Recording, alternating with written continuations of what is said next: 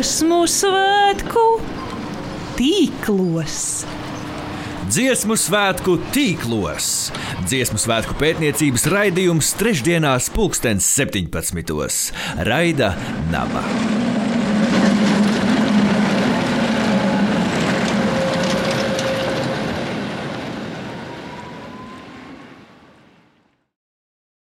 Raidījums ā, dziesmu svētku tīklos šeit atkal Radio Nabā, kas ir ā, Latvijas Universitātes un arī Latvijas valsts radio sastais kanāls. Raidījumu vada Jānis Daugavītis, bet ā, šodien ciemos divi viesi - Inga Holsta, Latvijas Universitātes folkloras deju kopas dandari, mākslinieckā vadītāja. Inga arī spēlē mandolīnu, cimboli, protams, dzied, droši vien vēl kaut ko dara. Sveika, Inga! Dejo. Sveiki! Un Aigars Norts uzņēmējs, man rakstīts eh, vīna un skriešanas maratonu. Vīna maratonu. Nu, labi. Kultūras veidotājs. Jā, tā būtu labdien. Labdien.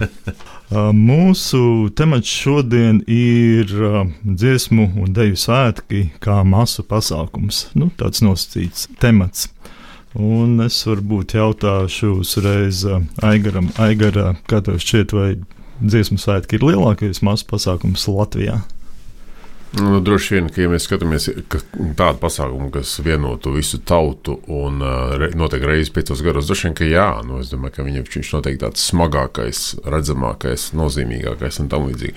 Iespējams, ka var atrast kādu roka koncertu vai vēl kaut ko tādu, kas ir noticis, un, vai, vai tikpat labi, labi Rīgas maratons arī pulcēs 40 tūkstoši dalībnieku, bet es domāju, ka dziesmu svētki ir super īpaši ar baigo svaru ne tikai dalībnieki, bet arī visi tie, kas ņem līdzi un visu procesu, ko viņš pavalk un skatītāji un tā tālāk. Es domāju, ka viennozīmīgi. Inga vai uh, mandolīna ir dziesmu svētku instruments? Jā, noteikti. Folkloras dienā būs mandolīns, ne tikai viena. viena. Ir tādi mandolīnu orķestri, agrāk Rīgā tika spēlēti ļoti daudz mandolīnu kopā, un šobrīd arī ir folkloras kopa tārkšķi, kur spēlē 11 mandolīnas, man šķiet. Dandaros mēs spēlējam 3 līdz 4 mandolīnas. Tā kā mandolīna ir top instruments. Man kaut kā vairāk asociējās bez šaubām ar, ar ko mandolīna. Ar Itāliju, ar Portugāli, ar Dienvidiem. Jā, bet kaut kā ar country, bet varbūt tas jauc kā Ā, mūzikas country- instruments. Nē, nē, tas ir arī tā ir mandolīna, bet tā ir blūgrās mandolīna. Pišķiņa atšķirās gan izskats, gan arī tas skanējums. Man liekas, cits ir. Aigarā, vai tu esi ticis ierauts dziesmu svētku tīklos savas dzīves laikā? Kaut kādā veidā noteikti jau esi.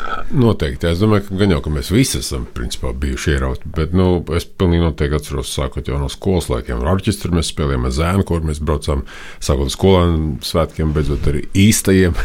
Lielajiem, un, un pēc tam arī eh, kā līdzdziedātājs eh, tajos slavenajos eh, dziedāšanas dziesmu svētkos, kas, nu, kas pēc noslēguma koncerta notiekās. Jā, tā kā, jā, jā, pilnīgi noteikti. Tad arī pēdējos, pēdējos gados, pēdējos desmitgadēs, tu esi kaut kur dziesmu svētkos. Jā, es neatceros, kuros tieši man liekas, ka iepriekšējie man izpalika kaut kāda iemesla pēc. Nezinu, kur es nu, kaut kā sakritu, es biju ārpus Latvijas, bet vispār jā. ā. Un tagad jau ir, man liekas, ka mm, tieši estrāde kā tāda ir tā, kas vēl kaut, kā, vēl kaut kāda nu, jaunā estrāde, es domāju, vēl vairāk tev pavalk un grib. Tev vēl vairāk aicina uz uz to meža parka aizietiem. Inga, es uh, nolasīšu vienu teikumu par uh, dandariem, ā, par kolektīvu, ko tu veido. Tad uh, dandarus 80. gadā izveidoja etnohoreogrāfs Ernests Spīčs.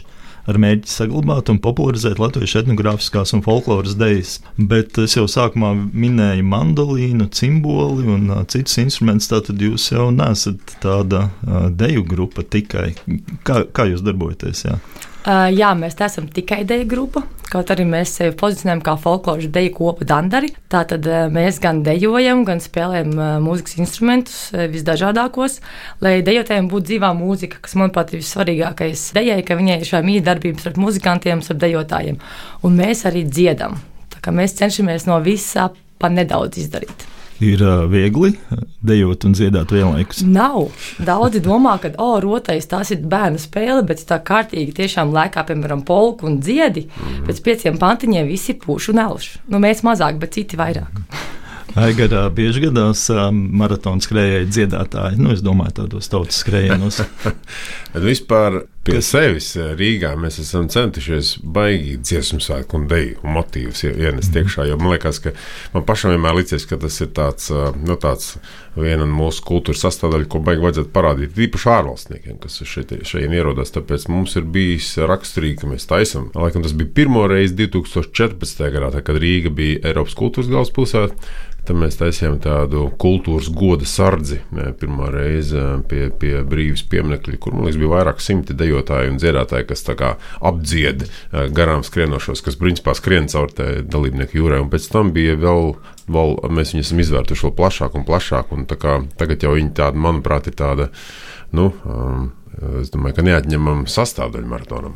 Bet, uh, kā ir ar tiem skrejējiem? Ir tādi, kas dzied, skrienot, vai, Starp vai skrienā tautu tārpos, piemēram? Uh, jā, mums zina, kas viens baigi interesants gadījums bija, kā bija Latvijas armīnieki. Bija, man liekas, tā bija 10 km distance, ka viņi tādā vienā ritmā skrēja un visu trasi dziedāja. Praktiski tā bija tāda atrakcija, kas, uz kuru visi pavilkās, gan paši skrēja, gan arī skatītāji. Tā kā ir gadījumi tādi ir, jā. Bet es piekrītu sarunu sarunbiedrenē, jā, ka skriet un dziedāt visticamāk nav vienkāršākā nodarbe.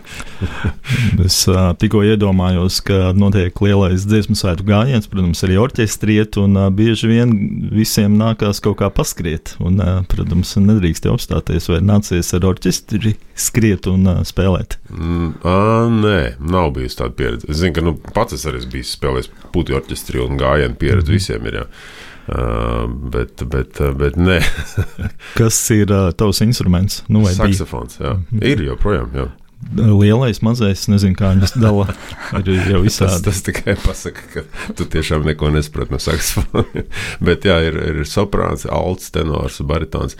Pamatā man ir bijis alts, bet es uh, spēlēju arī diezgan daudz tenoru. Un meita spēlēja man soprānu, tāpēc esmu spiests spēlēt arī soprānu. Nu, alts droši vien ir vidējais, tā tad nav, vidējais, nav vissmagākais. Inga, vai kāds no Dandaru ierakstiem, jo es zinu, ka Dandari ir arī ierakstījuši albumus, izdevuši kāds no ierakstiem, kāda no ierakstītām dziesmām ir um, atskaņota um, deju svētku kādā lielajā uzvedumā vēl nav, ir iespējas izvēlēties. Mums ir tā, ka uh, mums nav ļoti bieži šiem ierakstiem ir starta spēles vai tonalitāšu maiņas. Mums ir, kā mēs sākam spēlēt, tā mēs arī spēlējam ar kaut kādām, protams, oranžijām un improvizācijām. Tā, bet, uh, jā, šobrīd vēl nav, tā kā ir iespēja. Kāds vēlās. Mums ir gan daudz pārdejas, gan arī pārdejas. Uh, jā, var. Kādā veidā Danderi piedalās dziesmu svētku procesā un arī pašos svētkos? Droši vien jau piedalās, bez Pied, šaubām. O, jā, mums šogad, ja parasti folklorā ir viena diena, kas ir folkloras diena, sestdiena, tad šogad mums ir, ja neskaita gājieni, vēl divi ļoti nozīmīgi pasākumi. Mēs piedalāmies tautas mūzikas koncertā kopā ar Ilģiem, un tad mēs piedalāmies arī kapelu maratonā pirmo gadu. Es pagājušos dziesmu svētkos tur biju, un man ļoti, ļoti patika, un es sapratu, ka mūsu muzikanti ir tik spēcīgi, ka mēs arī vēlamies piedalīties šajā brīnišķīgajā notikumā.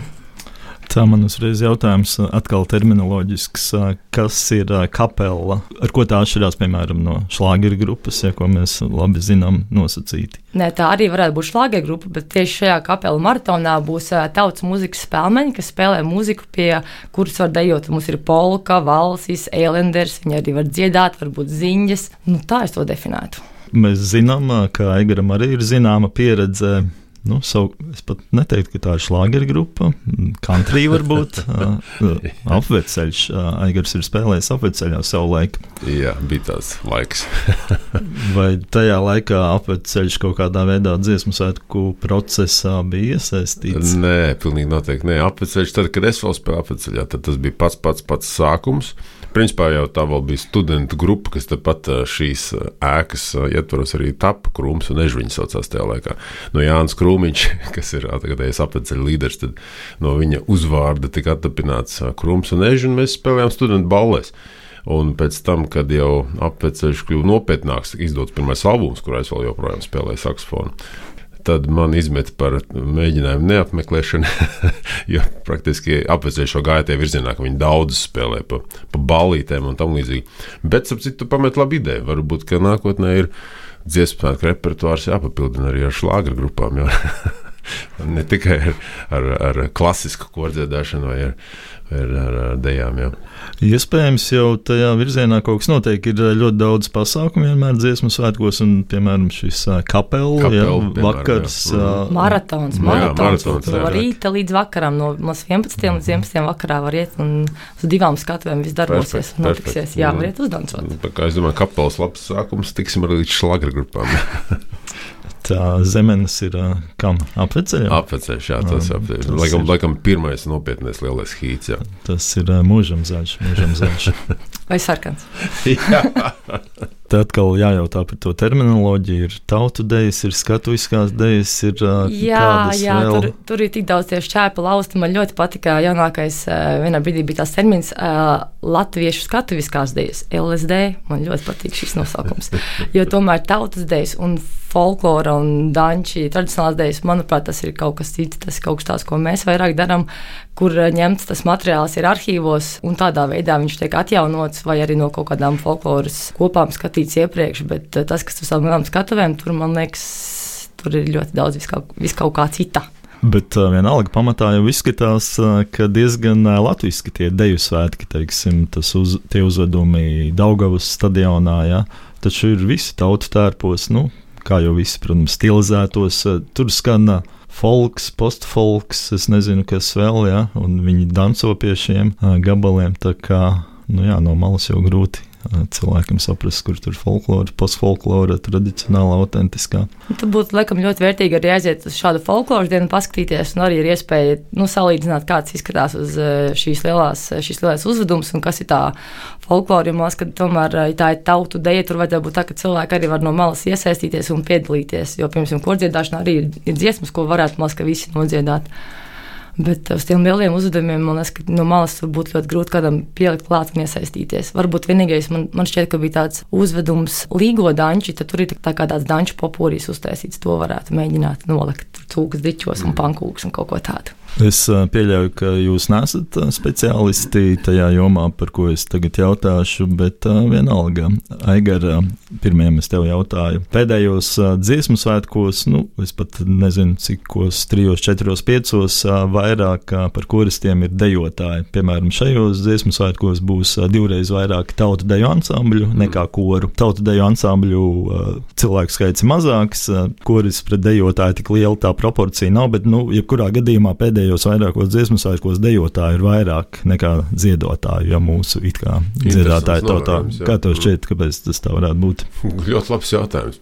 Nav ne jausmas. Un patiesībā es pirmo reizi dzirdu tādu statistiku. Es nu, tā mēģinu tādu uzreiz apjaust, ko tas varētu nozīmēt vai nenozīmēt, bet es atteikšos spriest, jo es nezinu. Man personiski pašam vienmēr tuvāk ir likušies eh, dziesmu svētki. Jā, tāpēc es, es pat, eh, es pat citreiz ne, negribu nevienu dejotāju apvainot, bet es, nu, viņus pat sauc par dziesmu svētkiem, nevis par dziesmu un deju svētkiem. Jā, kāpēc dejotāji vairāk? Es varbūt Daugos stadions līdz šim bija lielāks nekā, nekā, nekā estrāde bija mazāk, bet no jauna estrāde jau toreiz vajadzētu būt arī dziedātājiem vairāk. Nezinu, piedod. Inga, kādas tavas versijas? Uh, jā, līdzīgi. Es tiešām nezinu, kāpēc, uh, bet varbūt uh, nu, man ar kādu pašai, kā, vairāk kā dejotājai, uh, man deja rada lielāku prieku. Varbūt vienkārši priekpilnākā nodarbe jā. ir tieši tā, jums vairāk ir Jā. dziedāšana, man vairāk dejošana. Dejošana arī uzlabo veselību un visu pārējo. Man liekas, ka Taisnība. iespējams, ka tas un arī tā ļoti liela saliedēšanās uh, tajā kolektīvā. Un viņiem arī ir ieraksti, ka viņi ar šiem ierakstiem jau var, principā, tev vajag tieši dejot, bet korī tev vajag visas balss mācīties, kopā sadziedāties, vai diriģentu. Nu, varbūt tāpēc es nezinu. Bet man tas dejas prieks tomēr kaut kā. Jā, es domāju, droši vien viens no tiem iemesliem ir tas, ka mēs kā sabiedrība novecojam un, protams, ar vien atbildīgāk liela daļa no mums domā par sevi, par savu veselību un pusmūža plus un, un plus, plus cilvēki droši vien daudz izvēlās dejošanu tieši kā daļa fiziskās aktivitātes. Hmm. Iespējams, bet nu, jā, tāda ir tendence stipra. Tas dziedāt un iet skriet. Var abus darīt, jā. jā. Bet, jā, var skriet vienatnē, bet var dejot pārī vai pat pāros, un tur jau tie pāri visu laiku mainās. vai ne? Es domāju, arī, arī nav slikts uh, motivators varbūt. Tur jau ka viņi tomēr tos pāros var sadalīt, mēs folklorā mēs mainām tos pārus, tur mēs kā tu aiziet to savu pāri, vai tur, nezinu, reizēm tur saka, o, tu vari nākt, bet ņem savu puisi vai vīru vai ko līdzi, un tu nāk diezgan gatavs pāris. Ko Dandari dara? Piecus gadus starp dziesmu un dēļu svētkiem. Nu, ja mēs vispār ņemam dziesmu svētku kā atskaiti. Jā, jā. Ko jūs ikdienā darat? Nu, jā, mums atšķirība tāda, ka mūsu dziesmu svētki ir viens pasākums gadā. Tas nav mūsu piecgadas pasākums. Protams, viņš ir ļoti būtisks, bet uh, mēs katru gadu piedalāmies visās gadsimta ieražās, kas ir Jāņi, Lieldienas, Ziemas salgrieži. Visi viņi tiek svinēti vai Rīgā vai kaut kur ārpus Rīgas, kur mūs uzaicina. Tad, attiecīgi, arī ir festivāli, folkloras festivāls Baltika, kas bija pagājušajā gadā, ārvalstu festivālī Francijā, Igaunijā, Lietuvā, visur, kur aicinām, mēs braucam. Mēs organizējam danču vakarus gan Rīgā, gan ārpus Rīgas. Mums šobrīd ir ļoti aktīvs periods visu laiku, arī bez dziesmu svētkiem. Cik apmēram jums pasākumi ir? Nedēļā vai mēnesī? Nu, šajā gadā, tieši šogad, nu, pēc Covid bija varbūt bijuši mazāk, bet šogad viens līdz divi pasākumi nedēļā bez diviem mēģinājumiem. Bet tiešām tas ir ļoti, ļoti daudz. Nu, tas uh, izskatās pēc otrā darba. Nu, varbūt tev šis ir pamatdarbs, bet uh, pārējiem jau droši vien šis nav pamatdarbs noteikti. Jā, nu, tāpēc sastāvs tas, ka tie, kas tiek, tie ir tie, kas pasākumiem, ja, kā, ne, ja neviens netiek, mēs, protams, pasākumu at, atsakām atceļām, bet vienmēr kāds tiek, un tad mēs kaut kādā mazā sastāvā dodamies. Kā tu teiktu, ja mēs mēģinātu aprēķināt ieguldījumus, ko katrs tavs dalībnieks iegulda nu, finansiāli, un ko valsts pašvaldība iegulda Dandaros? Apmēram proporcionāli. Oi, kas par jautājumu? Man liekas, tā proporcija ir vienkārši cilvēki nāk un atdod savu brīvo laiku, savus vakarus. Man eh, ļoti patika, kā, kurš man tur teica, ka uh, vienai meitenei vīrietis, nu, tev tā, tāds rokzvaigznes režīms tev mājās vispār neredz, jo no viena pasākuma uz nākamo. Cilvēki tiešām dod savus uh, sestdienas, svētdienas brīvos vakarus. Jā, bet par. Tā, finansiālām lietām es vispār nemāku spriest. Man tikai laika jautājums vairāk ir, vai mēs tiekam vai mēs netiekam. Nu, labi, ja es jautātu tā, kas notiktu, ja valsts un pašvaldība neko jums nedotu, nekādu naudu? Es domāju, tāpat viss notiktos. Es domāju, mēs tāpat uh, darbotos un uh, kustētos. Es, ne, es nespēju iztēloties kaut kādu savu dzīvi bez dandariem, nu, ja mēs tā vispār runājam. Tas, ir, tas nav tikai naudas jautājums, tas ir dzīvesveids, un tie draugi jau, draugi jau arī tagad. Aigara, kā pagāja Rīgas maratons? Es neesmu joprojām piedalījies. Pagāja brīnišķīgi, jā, jo šis bija laikam. Uh, Pirmais gads kopš 20. gada, kad mēs varējām notikt ar pilnu krūti. Uh, Jo pat pagājušajā gadā, kad teorētiskie pasākumi bija atļauti, tad nu, reāli jau pasākumu ierobežojums atcēla burtiski mēnesi pirms Rīgas maratona. Attiecīgi, nu, tas, tas arī ne, ne, neskaitās. Ja. Attiecīgi, jā, šo, šogad viss bija tā, kā mēs to esam pieraduši redzēt, ar daudz atbalstītājiem, daudz skrejējiem, no sākot no pašiem mazākajiem līdz līdz elites skrejējiem. Un, un gal galā arī tas mums bija ģenerāla mēģinājums priekš pasaules čempionāta skriešanā, kas būs Rīgā arī rudenī, ko arī mēs tā esam attiecīgi bijusi ļoti foršas, pozitīvas nots. Cik bija dalībnieku? Mums šogad bija laikam teju 24,000 dalībnieku. Tā, nu, tas man izklausās, protams, ļoti daudz, bet uh, salīdzinot ar kaut kādiem uh, pasaules vai Eiropas uh, nu, zināmiem maratoniem, cik tas ir? Tas, tas joprojām ir ļoti daudz. Mēs, protams, mums jāskatās, ir, ir pasākumi, kā paņemsim, paņemsim Ņujorkas maratonu, kurā skrien tikai viena distance, paņemsim maratonu. Bet, ja mēs skatāmies, un tad tur skrien, teiksim, 40 tūkstoši, paņemsim. Bet Ņujorka, Ņujorka pilsēta, kas nekad neguļ, bet mēs paskatāmies, piemēram, Baltijas kontekstā vai, vai Skandināvijā, tad, paņemsim, Viļņa Tallina, kurās arī ir daudz dažādu distanču vienā pasākumā, tad uh, viņas, viņi ir mazāki notikumi. Tad es domāju, ka mēs būtu viena no tādiem o, lielākajiem uh, Centrāla Eiropas, Ziemeļa Eiropas lieliem pilsētas skriešanas notikumiem. Jā. Kā mainās dalībnieku statistika pa gadiem? Mm, kopumā jāsaka, ka mums bija milzīgs uzrāviens pirms Covid, pirms kara. Protams, ka Covid un karš nu, tas tautas sportam nodarīja milzīgu postu. Tur, tur par to nav runa. Nu, jau skaidrs, ka daudziem nolaidās rokas neko nedarīt par šiem gadiem un aizmirst, ko tas nozīmē. Lai gan mēs viņus kustinājām ar virtuālo skriešanas klubu, mums bija tāds uztaisīts, bet, bet varēja just, ka cilvēki bija atslābst. Un tad tagad tas viss atkal nāk atpakaļ. Ja, pirms, nu, pirms um, Covid un pirms kara bija rekordgads, laikam bija gan gandrīz 40 tūkstoši dalībnieku, ja, un 5 tūkstoši ārvalstnieku, tā skaitā, kas atbrauc, ja, ārvalstu dalībnieki, nerunājot par līdzjūtējiem. Ja. Es gribētu domāt, ka ar šo gadu sākās tāds tiešām ceļš uz atgriešanos, un vēl ar to, ka mums būs pasaules čempionāts, tas arī vēl papildus tādu stimulu iedos tam visam. Protams, es domāju par maratonu skriešanu, arī piedalīšanos maratonā, līdzībās ar dalību dziesmu svētkos, ko arī tautu deju ansamblī vai kādā citā Jā. mazākā, lielākā kolektīvā. Ko tu teikt, kas motivē cilvēkus skriet maratonu, arī piedalīties maratona svētkos, un ko, jā, ko cilvēki jūt, ka viņi iegūst to darot? Kaut kādā ziņā es domāju, ir baigā līdzība starp dziesmu svētkiem un starp maratonu, jo viņa nu, skriet kopā, kaut vai tas būtu 5 km vai jūdzi vai, vai, vai mazākās distances, tas iedod baigo tādu īpašo kopības sajūtu. Tāpēc man pašam vienmēr licies, es saviem arī saku, ka uh, latvieši sapratuši, ka viņi ir ne tikai dziedātāji tauta, bet arī skrejēji tauta. Jo uh, brīdī, kad, tajā, kad akmens tiltā uzskrien augšā tas, tas milz jūra ar cilvēkiem, tur ir kaut kāda baigā kopības sajūta. Ja.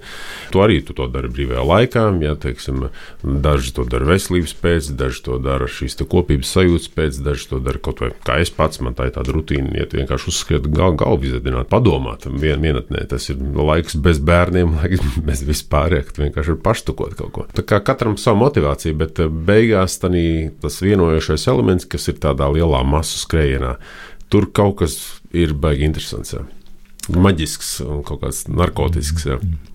Ja mēs domājam par to skriešanu kopā, mēs varam domāt un droši vien arī ieraudzīt to, ka tas notiek dažādos mērogos, ka skrienā visi šie 20, 40 tūkstoši, bet mēs varam arī smalkāk skatīties un noteikti mēs ieraugam, tur skrien darba kolektīvs, mm -hmm. tur skrien dandari varbūt mm -hmm. vai ģimene. Mm -hmm pāris. Jā. Protams, arī vientuļie vilki droši vien. Jā, jā viņš ir um, tās, tās, tās grupas, kas veidojās, ir, ir, ir super dažādas. Jā. Un baigais prieks vienmēr bijis redzēt arī, kad tu zini, jo mēs taisam jau tagad 17 gadus to pasākumu, un tad tu zini, ka tajā un tajā gadā mamma tur ar tādu un tādu tur mazuli noskrēja ratos, kaut vai man dzīves biedra ar manu meitu noskrēja 14. gadā laikam ratos, un tagad viņi skrien jūdzes, un viņi skrien bērnu skrējiens un piedalās. Ja, un, un, un tādu stāstu man ir ārkārtīgi daudz, ja, kurus sāc no, principā, no pašas mazākās distances un beigās kļūst par ultramaratonistu, kas braukā pa visu pasauli un meklē, kur, kur izskrieties vēl. Ja, ja. Inga, kādam ideālam jūs tuvojaties Dandaros, spēlējot, izpildot un dejojot tradicionālo? Jā, Man, man šis vārds patīk tradicionāli. Tradi jā, jā, kas jā. ir tas ideāls, kas ir tas tradicionālais? Ideāls mums katram arī ir tas uh, savējais. Mans uh, ideālais dandars ir tāds, kurš uh, prot gan dziedāt, gan dejot, gan spēlēt vismaz vienu mūzikas instrumentu. Un, ja ir kāds pasākums vai notikums, viņš ir spējīgs just, ko tur vajag. Vai novadīt kādu rotaļu, vai kādu deju, vai iesākt dziesmas, tikko bija pasākumā. Un visādi, nu, tu kā vadītāji, tu varētu iesākt. Vienkārši daudz baldienu, visi vienkārši bailēs trīc, un labi, es iesākšu. Visi, oh, cik tas bija skaisti. Tu vienkārši jūti, ko tiem cilvēkiem vajag, un to, to savu, tam, savām spējām, savām zināšanām. Vienkārši Bet, ja kāds cits iesāk, tu vienkārši skaisti viņam piebalsot. Tu nevajag obligāti būt tam galvenajam, bet tu kaut kā jūti tajā situācijā, ko no tevis nezinu, prasa, vajag un kā tu pats arī gribi būt tajā brīdī. Bet, kāpēc tieši tradicionālā mūzika, tradicionālākas idejas, jo ir visādas, visādas mūzikas, ir, jā, kāpēc tieši šādu ideālu jūs izvēlējāties? Ko tas tev nozīmē? Um, man ir tas, ka man Dandara tika iedot jau mantojumā, savā ziņā, ka man jau kaut kas bija arī jāturpina. Jo Dandaros ir tāds kā sava veida uzstādījums, ka mēs izpildām tikai Latvijā pierakstītu tradicionālo mūziku un arī dejas, ka mēs, nemeklē, nu, mēs arī skatāmies citur. Lai būtu ko salīdzināt, bet mēs cenšamies tieši tās uh, idejas, un uh, dziesmas un rotaļas vairāk uh, popularizēt. Jo projām tas, kā Ernsts bija to iesācis ar uh, folkloras ideju popularizēšanu un saglabāšanu, mēs tā arī turpinām. Atgriezīsimies atkal pie naudas, un es jautāju Aigaram, ja es jau jautāju par Nandariem, kā valsts atbalsta Rīgas maratonu finansiāli, nu, un pašvaldība droši vien arī jāatbalsta. Mm. Jā, es domāju, ka jāatgriežties arī pie tā iepriekšējā jautājuma. Es domāju, ka tautas sports, jau, protams, ir spējīgs pašorganizēties, tāpēc viņš saucās tautas sports. Valsts atbalsts mums, piemēram, šogad ir nulle, bet pašvaldība gan ir vēsturiski atbalstījusi, Rīgas domos ir ļoti labs partners jau, jau gadiem. Viņi palīdz mums ļoti, tīpaši, kas attiecās uz visu to lielo izmaksu nosakšanu, kas ir saistīts ar pilsētu. Piemēram, kaut kā proporcijas rēķina nosakšana. Ja. Un es vienmēr esmu uzskatījis, ka tautas sports ir spējīgs pašorganizēties, spējīgs piesaistīt privātos sponsorus, bet um, tur, kur valsts var nākt iekšā un kur pašvaldība var nākt iekšā un palīdzēt, ir īstenot kaut kādus savus mērķus. Pieņemsim, ievilkt daudz vairāk bērnu iekšā. Piemēram, ja mēs tagad, pieņemsim, šogad mēs pilnīgi par savu kabatu mēs valkam iekšā mazos, viņi visu, visu skrien pa velti, bērni, piemēram, ja, vai bērnu dienā, vai, vai skolēni skrien teiksim, par pavisam simbolisku samaksu, 2 eiro par dalības maksu. Ja. Un vēl var valsts nākt, protams, iekšā palīdzot organizēt kaut kādu, nu, pacelt viņu lielā, jaunākā startautiskā līmenī, organizējot jau kā tādus lielus mačus, ja, ko mums, piemēram, tur gan valsts mums nāk iekšā, palīdzot pasaules čempionātu, nosacot kaut kādas startautiskās licenču izmaksas un tam līdzīgi. Tā kā ir nozīmīgam atbalstam. Es domāju, ka tautas sportam ir jābūt, bet tas arī ar tautas sportiem vienmēr bijis interesanti. Es neesmu zinājis un nepazīstu nevienu politiķu, kurš neteikt, ka, nu, ka tautas sports ir prioritāte numur viens. Bet, bet brīdī, kad nonāk līdz uh, reālam atbalstam, līdz darīšanai, tad praktiski tas viss tur arī beidzās. Jā. Inga, kā jums ir ar ieņēmumu ikdienā? Jo Jā, tu minēji, jūs uzstājaties, piedalāties visādos ļoti daudzos pasākumos, gan arī divreiz nedēļā. Tāds ritms, un kas tie ir par pasākumiem? Tie ir arī tādi, kas nes kādu peļņu jums. Peļņu īsti nē, jā, ir arī ienākumi, kas arī nāk, bet ir arī daudz labdarības pasākumu. Mēs mēģinām to balansu noturēt. Kad eh, mēs piedalāmies dažādos pasākumos. Ir tādi pasākumi, kur mēs vienkārši atbalstam un ar prieku uzspēlējam. Bet, nu, protams, kad eh, ceļa izmaksas, degviela un kaut kādas stērpu atjaunošana, jauni instrumenti, viss, viss, ir, eh, viss ir nepieciešams. Arī kaut kādi honorāri arī muzikantiem, kad tik bieži nākās darboties, tad arī, protams, kaut kas pienākās klāt. Kas ir tā publika un auditorija jūsu pasākumos pamatā? Pamatā ļoti dažādi. Jautājums, kas aicina droši vien, arī kas par pasākumu mums ir sākot no, no bērniem, no ģimenes, protams, bērni ar, ar, ar ģimenēm, kuriem ļoti patīk rotais un arī kādi vieglāki danči, bet ir arī, piemēram, tikko bija Lūznovas kadriju balle, kur tieši attiekās ļoti jau zinoši, zinoši dejotāji, un mēs viņiem, piemēram, spēlējam ballē tur tās dejas, kas ir jāspēlē, un vai ir kaut ko, piemēram, mācām šīs dejas ārvalstu festivālos, piemēram. Vai jūs strādājat ar uh, turistiem? Jā, arī mēs strādājam ar turistiem. Ko Kā, tur liekties, kādā veidā tas notiek? Jā? Kā, kā tas notiek? Kāda arī turistu firma, piemēram, uzaicina. Mēs esam bijuši muzejā vairākus gadus arī darbojušies. Vienreiz mums pat viena lietuviešu kompānija uzaicināja, kas bija ļoti interesanti. Ar, nu jā, tādā veidā tas notiekās. Mums ap jāņem tas ir vairāk, pārējā gadā nedaudz mazāk. Aigar, kā tev šķiet, ir jēga runāt un domāt par turistu piesaistīšanu, stāstot viņiem kaut ko par dziesmu svētkiem, par pasākumiem, jā, kas šajā nedēļā notiek. Īsnībā šoreiz būs desmit dienas. Jo tu droši vien zini arī Rīgas infrastruktūru, hoteļus, hosteļus un pārējo. Vai ir jēga? Oh, jā, es domāju, ka pasākumi kā tādi spēja ģenerēt milzu turismu plūsmu uz Rīgu. Un, teiksim, tas ir tie, tie, tie magnēti, kas, kas velk, kas vēl viens tāds papildus stimuls, kāpēc kādam būtu šeit jāatbrauc. Vai tie vienalga, vai tas būtu dziesmu svētki, vai hokeja čempionāts, vai, vai Rīgas maratons, pasaules čempionāts, vai pozitīvs. Ja, es domāju, ka ir jābūt kurai sevis cienošai galvaspilsētai Eiropas, ir jābūt veselai virknei šādu visas sezonas garumā un ne tikai sezonas garumā, arī ārpus sezonas, ārpus tipiskās turisma sezonas, nu, velk iekšā cilvēks. Jo, jo, jo tas ir savādāk, nu, tie, nu, garlaicīgi, tad tev nav ko darīt. Kā tev šķiet, Aigara, no malas vairāk vai mazāk raugoties, cik labi ir izmantots dziesmu svētku ekonomiskais potenciāls? Man liekas, ka viņš ir ļoti labi pašorganizējies. Tas, ka mums ir tik kapitāla liela, pieņemsim, kaut vai ārvalstu latviešu komūna, kas, nu, kas nu nekad nepalaiž garām iespēju atbraukt uh, reizi piecos gados uz šejienu. Cits jautājums ir, man liekas, ka, ka, ka, ka to es arī teicu, ka manuprāt būtu dzēsvētki jārīko biežāk, ja tas ir, mums ir tāda kapitāla eksporta prece. Uh, kāpēc, mēs to nedarītu biežāk? Kāpēc darīt reizi piecos gados? Tas ir tik ilgi jāgaida. Nu, kāpēc? Ja?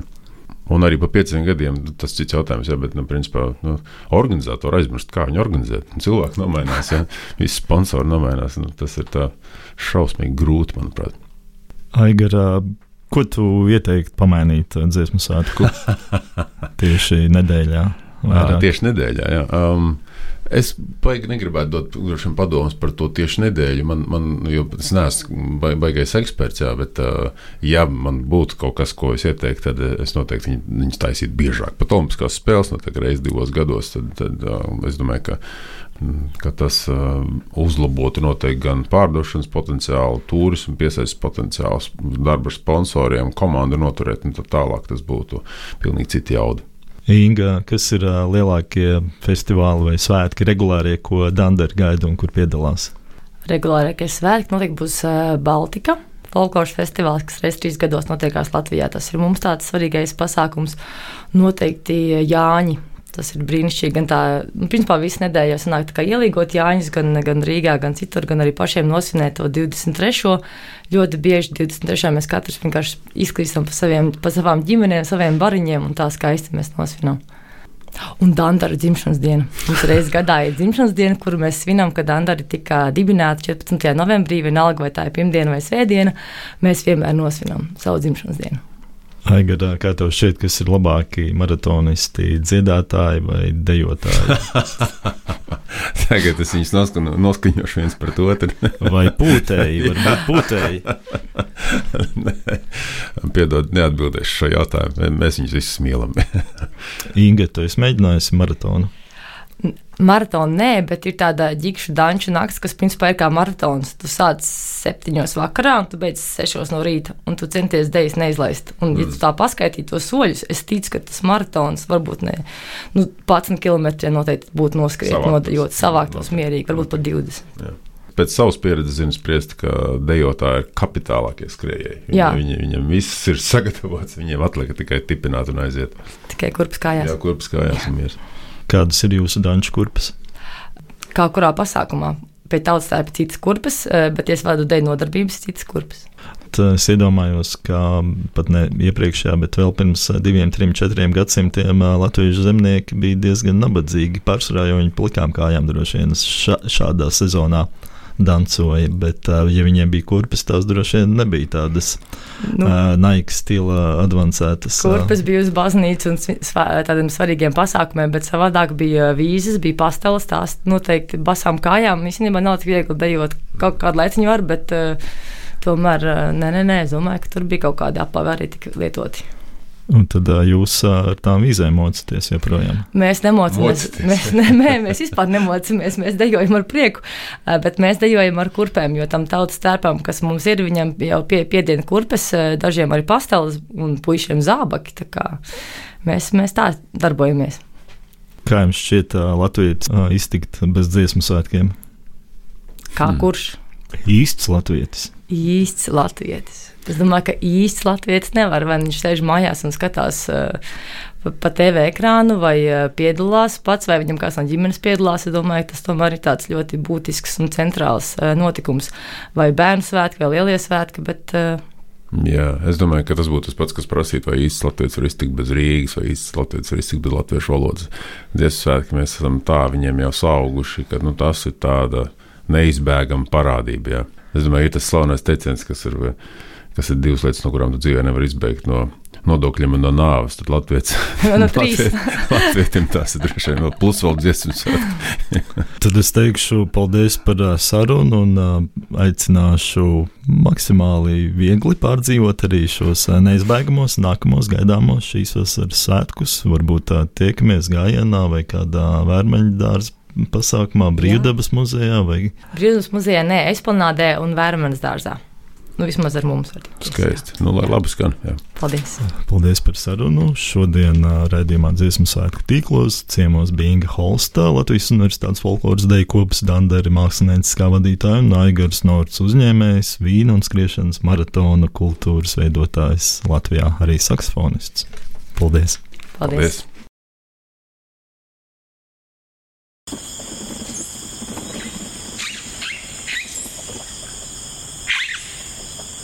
Dziesmu svētku tīklos.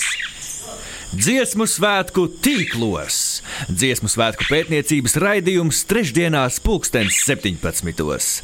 Raida Naba.